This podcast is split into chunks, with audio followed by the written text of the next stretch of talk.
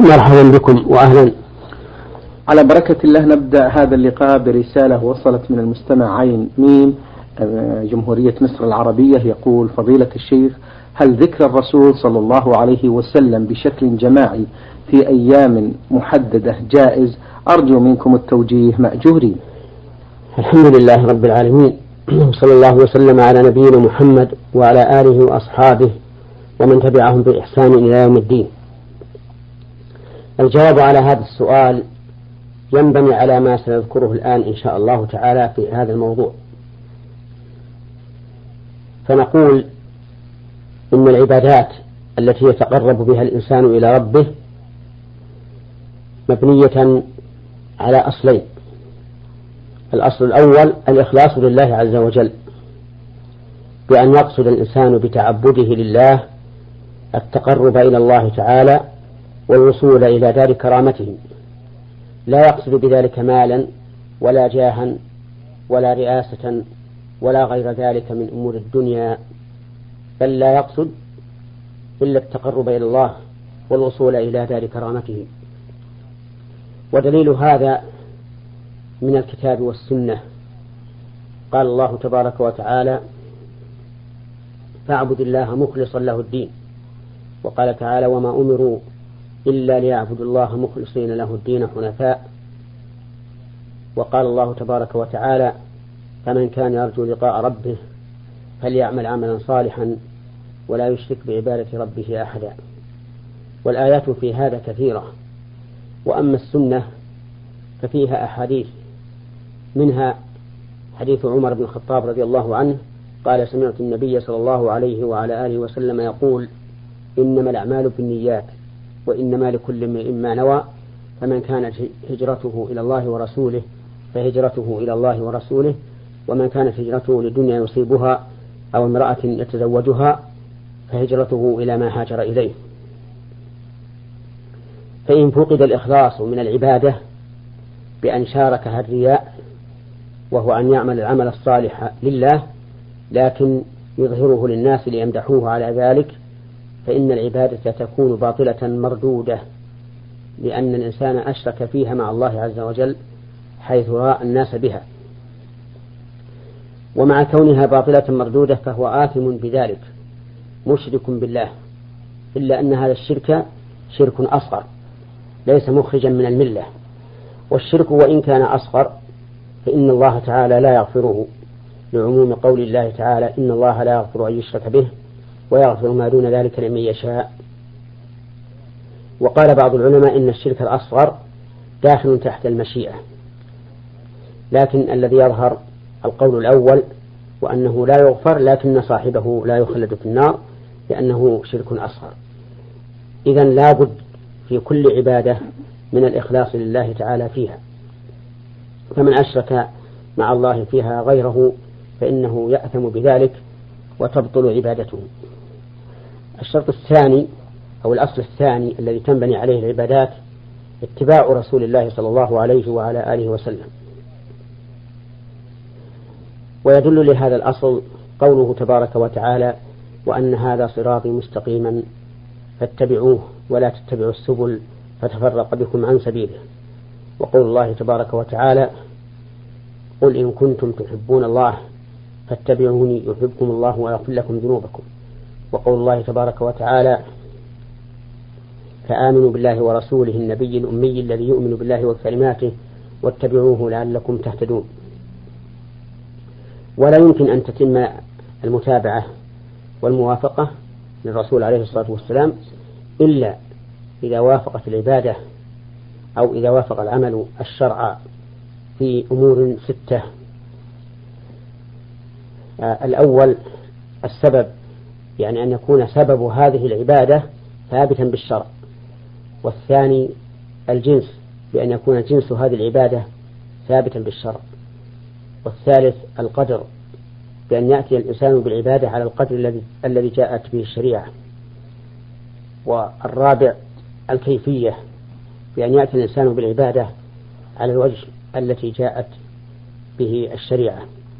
والخامس الزمان بأن يأتي الإنسان بالعبادة في الزمن الذي حدده الشرع لها والسادس المكان بأن يأتي الإنسان بالعبادة, بالعبادة في المكان الذي حدده الشارع لها.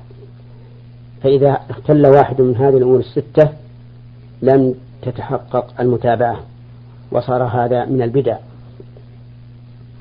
فأما الأول وهو السبب فأن فإنه لا بد أن يكون السبب الذي بنينا عليه هذه العبادة ثابتا بالشرع.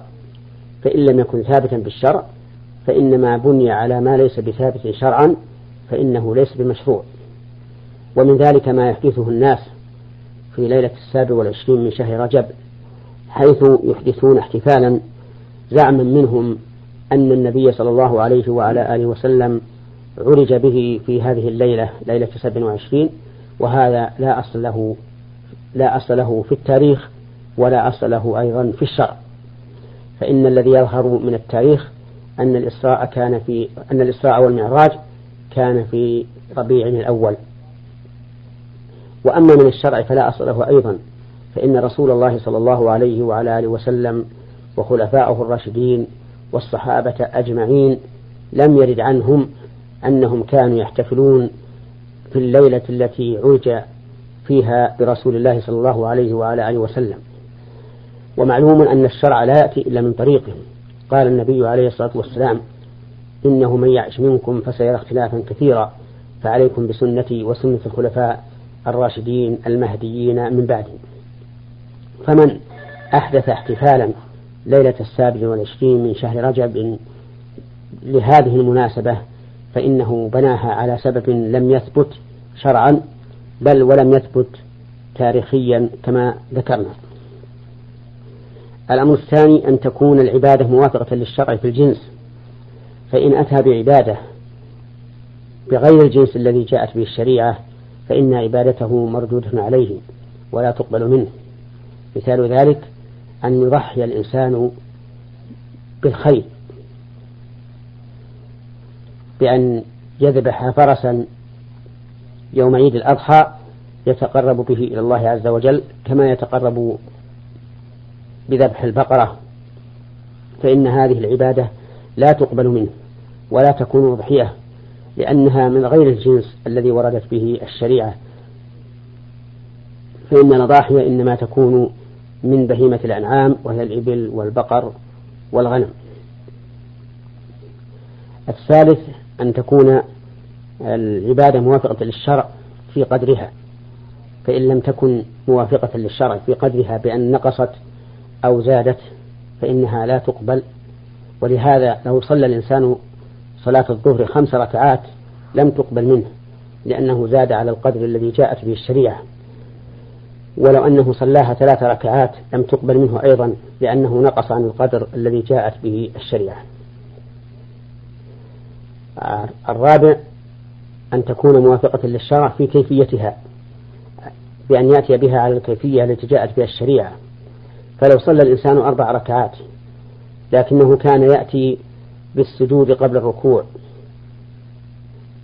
فإن الصلاة لا تقبل منه لأنه أتى بها على كيفية لم ترد بها الشريعة فكانت مردودة عليه لعدم تحقق الاتباع في حقه.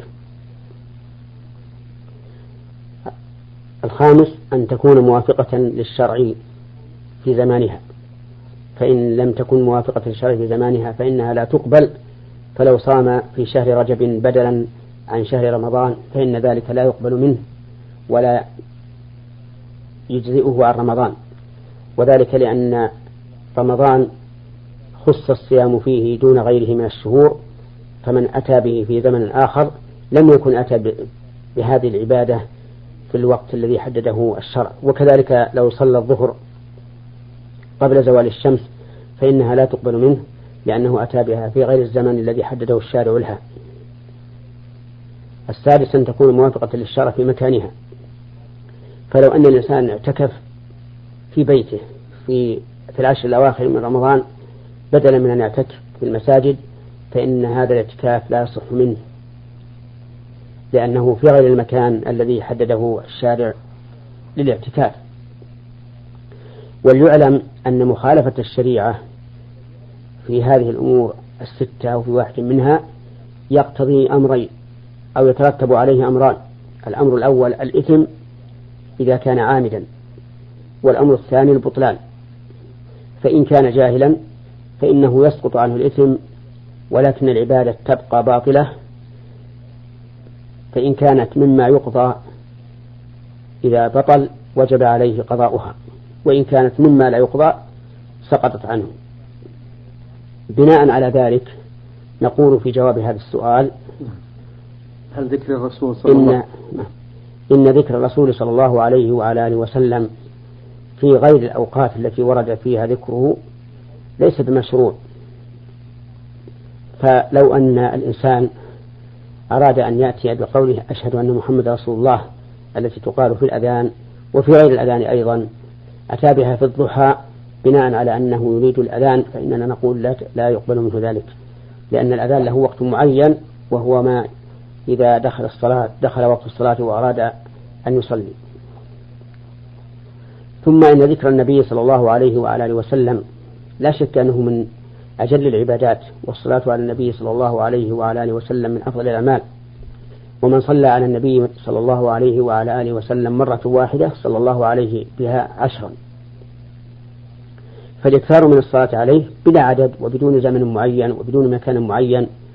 هذا خير من أن يجعل الإنسان لهذه الصلاة وقتا معينا وعددا معينا وصفة معينة لأن كل شيء يسنه الإنسان من أجل نفسه ولو كان أصله مشروعا يكون من البدع ويكون من البدع في كيفيته أو زمانه أو مكانه حسب ما فصلنا آنفا.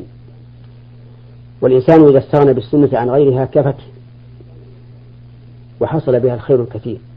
وإن كان الإنسان قد يتقال السنة في بعض الأحيان ويقول أنا أريد أن أعمل أكثر من ذلك فإن النبي صلى الله عليه وعلى آله وسلم أنكر على الذين تقالوا سنته وهديه وأرادوا أن يزيدوا على ذلك حيث اجتمع نفر فقالوا فقال بعضهم لبعض حين سألوا عن عمل النبي صلى الله عليه وسلم في السر أي فيما لا يبدو للناس. فكأنهم تقالوا هذا العمل وقالوا إن إن رسول الله صلى الله عليه وعلى آله وسلم قد غفر الله له ما تقدم من ذنبه وما تأخر. يعني ونحن لم يحصل لنا ذلك. فقال بعضهم أنا أصوم ولا أفطر وقال الثاني أنا أقوم ولا أنام وقال الثالث أنا لا أتزوج النساء. فبلغ ذلك النبي صلى الله عليه وعلى آله وسلم فأنكر عليه وقال من رغب عن سنتي فليس مني فاتباع السنة خير حتى وإن كان الإنسان يظن أنه عمل قليل فإن ما وافق السنة وإن كان أقل فهو خير مما لم يوافق السنة وإن كان أكثر.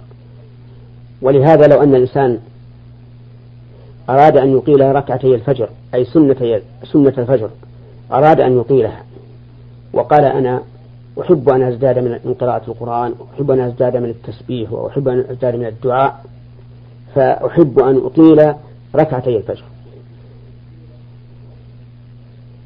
فإننا نقول له هذا ليس بصحيح. ومنهجك هذا غير صحيح. لأن السنة في سنة الفجر التخفيف كما كان النبي عليه الصلاة والسلام يخففها حتى تقول عائشة حتى إني أقول أقرأ بأم القرآن. فلو كان عندنا رجلان أحدهما صلى سنة الفجر على وجه خفيف لكن محا لكنه محافظ على الطمأنينة. والثاني صلاها على وجه أطول قلنا إن الأول أصوب وأفضل من الثاني من أجل موافقة السنة. ثم إنه أيضا يبين ثم إنه يبين ذلك أيضا أن الرسول عليه الصلاة والسلام أرسل رجلين في حاجة فلم يجد الماء فتيمما وصليا ثم وجد الماء في الوقت. فأحدهما توضأ وأعاد الصلاة وآخر والآخر لم يعد الصلاة. فقال النبي صلى الله عليه وعلى آله وسلم للذي لم يعد الصلاة قال له أصبت السنة. وقال للآخر لك الأجر مرتين. فصوب الأول ولم يصوب الثاني لكنه جعل له الأجر مرتين لأنه فعل ما يعتقده عبادة متأولا ظانا أن هذا هو الذي يجب عليه فأثيب على هذا الاجتهاد وإن كان وإن كانت السنة في خلافه نعم. بارك الله فيكم شيخ محمد. أيضا هذا السائل ذكر الشكل الجماعي للذكر فضيلة الشيخ. شكل؟ الشكل الجماعي بشكل جماعي. أي نعم. كذلك أيضا اجتماع الناس على الذكر جماعيا بأن يقول بصوت واحد الله أكبر أو الحمد لله أو لا إله إلا الله أو اللهم صل على محمد أو ما أشبه ذلك هذا لا نعلم له أصلا في سنة الرسول صلى الله عليه وعلى آله وسلم. بل كان الصحابة يذكرون الله تعالى ويثنون عليه كل على نفسه. فها هم في حجة الوداع مع النبي عليه الصلاة والسلام منهم المهل ومنهم المكبر.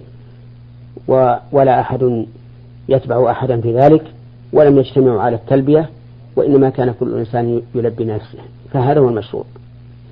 أما ما ورد به السنة من الاجتماع على الدعاء وعلى الذكر فهذا يتبع فيه السنة كالاجتماع على دعاء القنوت في في الوتر في صلاة التراويح وما أشبه ذلك فهذا يتبع فيه السنة.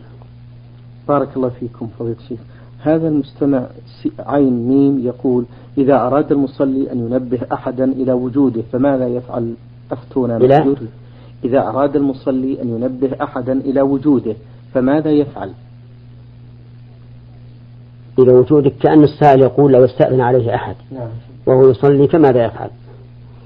نقول له طريقان الطريق الأول أن يسبح فيقول سبحان الله سبحان الله. لأن النبي صلى الله عليه وعلى آله وسلم قال إذا نابكم شيء في صلاتكم فليسبح الرجال وليصفق النساء. أما الطريق الثاني فأن يتنحنح. كما ذكر عن علي بن أبي طالب رضي الله عنه قال كان لي مدخلان من رسول الله صلى الله عليه وسلم فإذا دخلت وهو يصلي تنحنح لي. فهذان طريقان. هناك طريق ثالث لا بأس به إن شاء الله وإن كنت لا أعلم له أصلا في السنة وهو أن يرفع صوته بما هو بما يقول. إن كان في قراءة رفع صوته بالقراءة إن كان في ركوع رفع صوته بالتسبيح قال سبحان ربي العظيم لينتبه المستأذن عليه. لكن الأولى التسبيح أو النحنحة. نعم. الخطيب يوم الجمعة هل يجوز له صلاة تحية المسجد ويجلس أم يصعد إلى المنبر مباشرة؟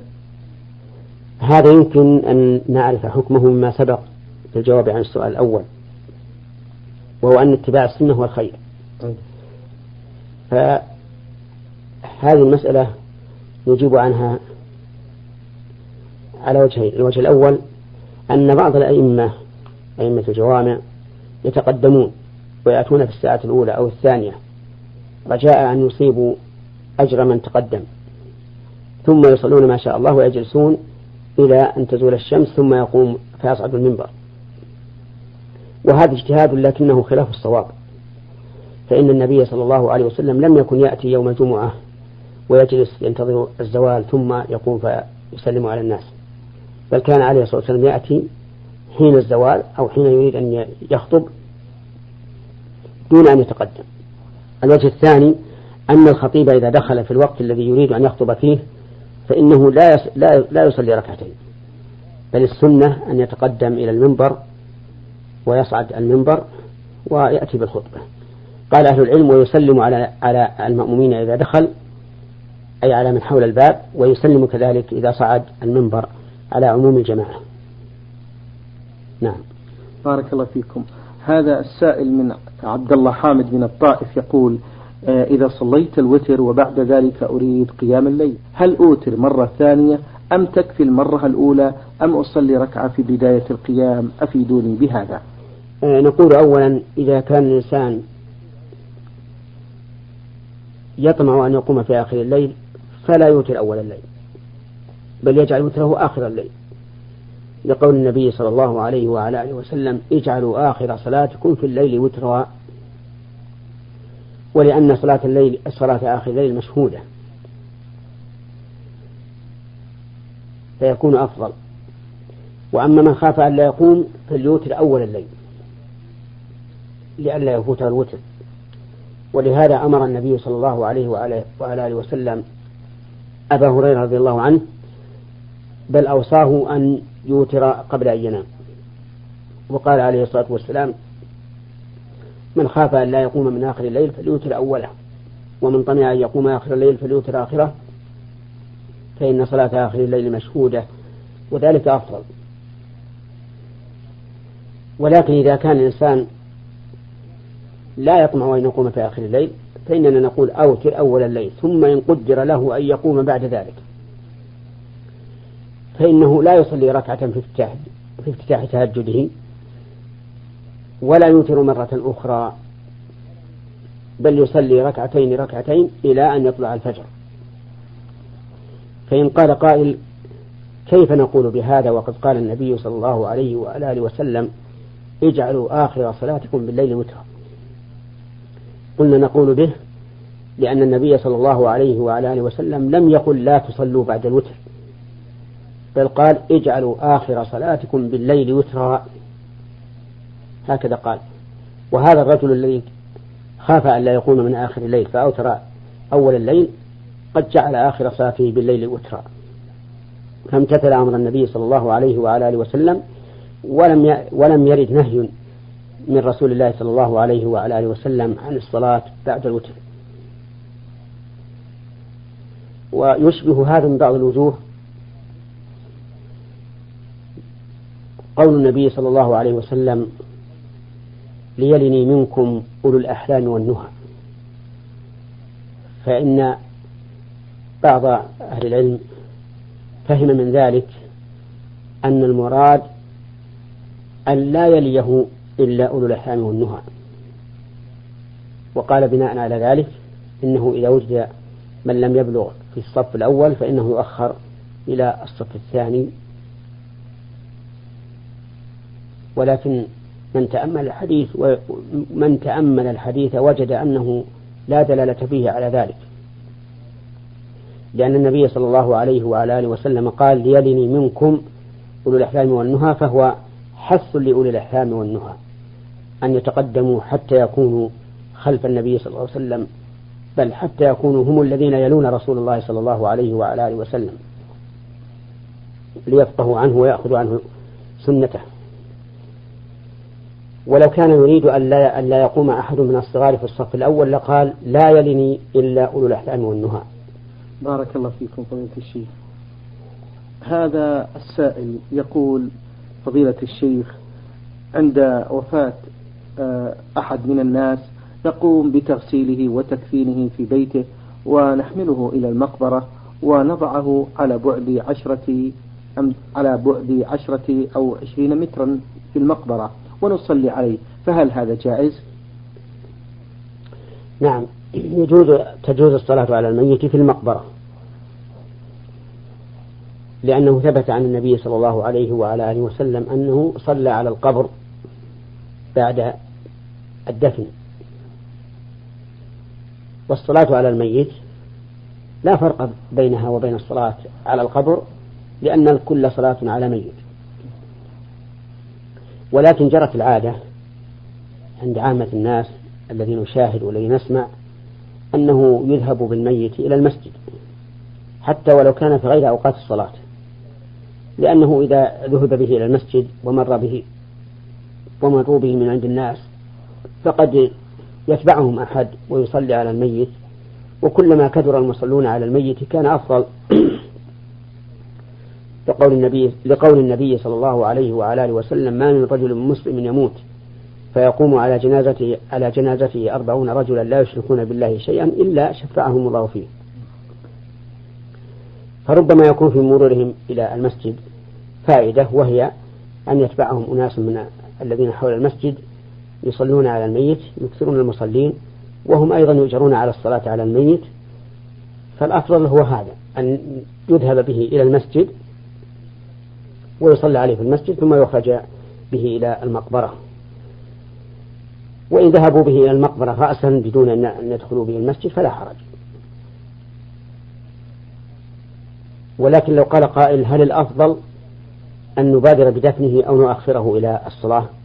قلنا إذا كانت الصلاة قريبة فالأفضل تأخيره إلى الصلاة أي إلى صلاة الجماعة لأن ذلك أكثر للمصلين وربما يكون أكثر للمتبعين أيضا. أما إذا كان في وقت طويل فإن المبادرة بدفن الميت أفضل وأولى لأن النبي صلى الله عليه وعلى آله وسلم أمر بالإسراع بذلك. فقال عليه الصلاة والسلام أسرعوا بالجنازة فإن تكن صالحة فخير تقدمونها إليه وإن تكن سوى ذلك فشر تضعونه عن رقابكم. نعم. بارك الله فيكم. له فقرة أخيرة يقول عبارة حمل إلى مثواه الأخير هل في هذه عبارة شيء فضيلة الشيخ؟ نعم. هذه فيها شيء كبير. لو أراد الإنسان لو لو كان الناس يفهمون معناها وأرادوها. لأن قول القائل إنه حمل إلى مثواه الأخير يفيد أن القبر هو آخر آخر مرحلة وآخر منزلة منزلة للإنسان وليس الأمر كذلك. بل إن القبر يعتبر يعتبر ممرا ومزارا. والمثوى الأخير هو إما الجنة وإما النار. وهذه العبارة لو أخذنا بظاهرها لكانت تتضمن إنكار البعث. وإنكار البعث كفر. لأن الإيمان هو أن تؤمن بالله وملائكته وكتبه ورسله واليوم الآخر والقدر خيره وشره. لكن غالب الناس يطلقها وهو لا يدري ما معناها أو يريد ما يفهمه المسلمون كلهم من أن هذه القبور ممر وزيارة وليست مثوى أخيرا. ولذلك نرى أنه لا يجوز للإنسان أن يطلقها. حتى وإن كان يريد بها ما يعلمه المؤمنون بالضرورة من الدين وهو أنه لا بد من بعث ولا بد من خروج من هذه المقابر. وأنا قلت إن المقابر مزار لقول الله تبارك وتعالى ألهاكم التكاثر حتى زرتم المقابر. يذكر أن أعرابيا سمع قالا يقرأ بهذه الآية يقول حتى زرتم المقابر. فقال الأعرابي والله ما الزائر بمقيم. والله إن هناك شيئا وراء هذه المقابر. نعم. شكر الله لكم يا فضيلة الشيخ وبارك الله فيكم وفي علمكم ونفع بكم المسلمين. أيها الإخوة الأحباب أيها الإخوة المستمعون الكرام أجاب على أسئلتكم فضيلة الشيخ محمد بن صالح بن عثيمين الأستاذ في كلية الشريعة وأصول الدين في القصيم وخطيب وإمام الجامع الكبير في مدينة عنيزة. شكر الله لفضيلته وشكرا لكم أنتم. وفي الختام تقبلوا تحيات زميلي مهندس الصوت سعد عبد العزيز خميس والسلام عليكم ورحمة الله وبركاته. نور على الدرب. برنامج يومي يجيب فيه أصحاب الفضيلة العلماء على أسئلة المستمعين. البرنامج من تقديم وتنفيذ عبد الكريم صالح المقرن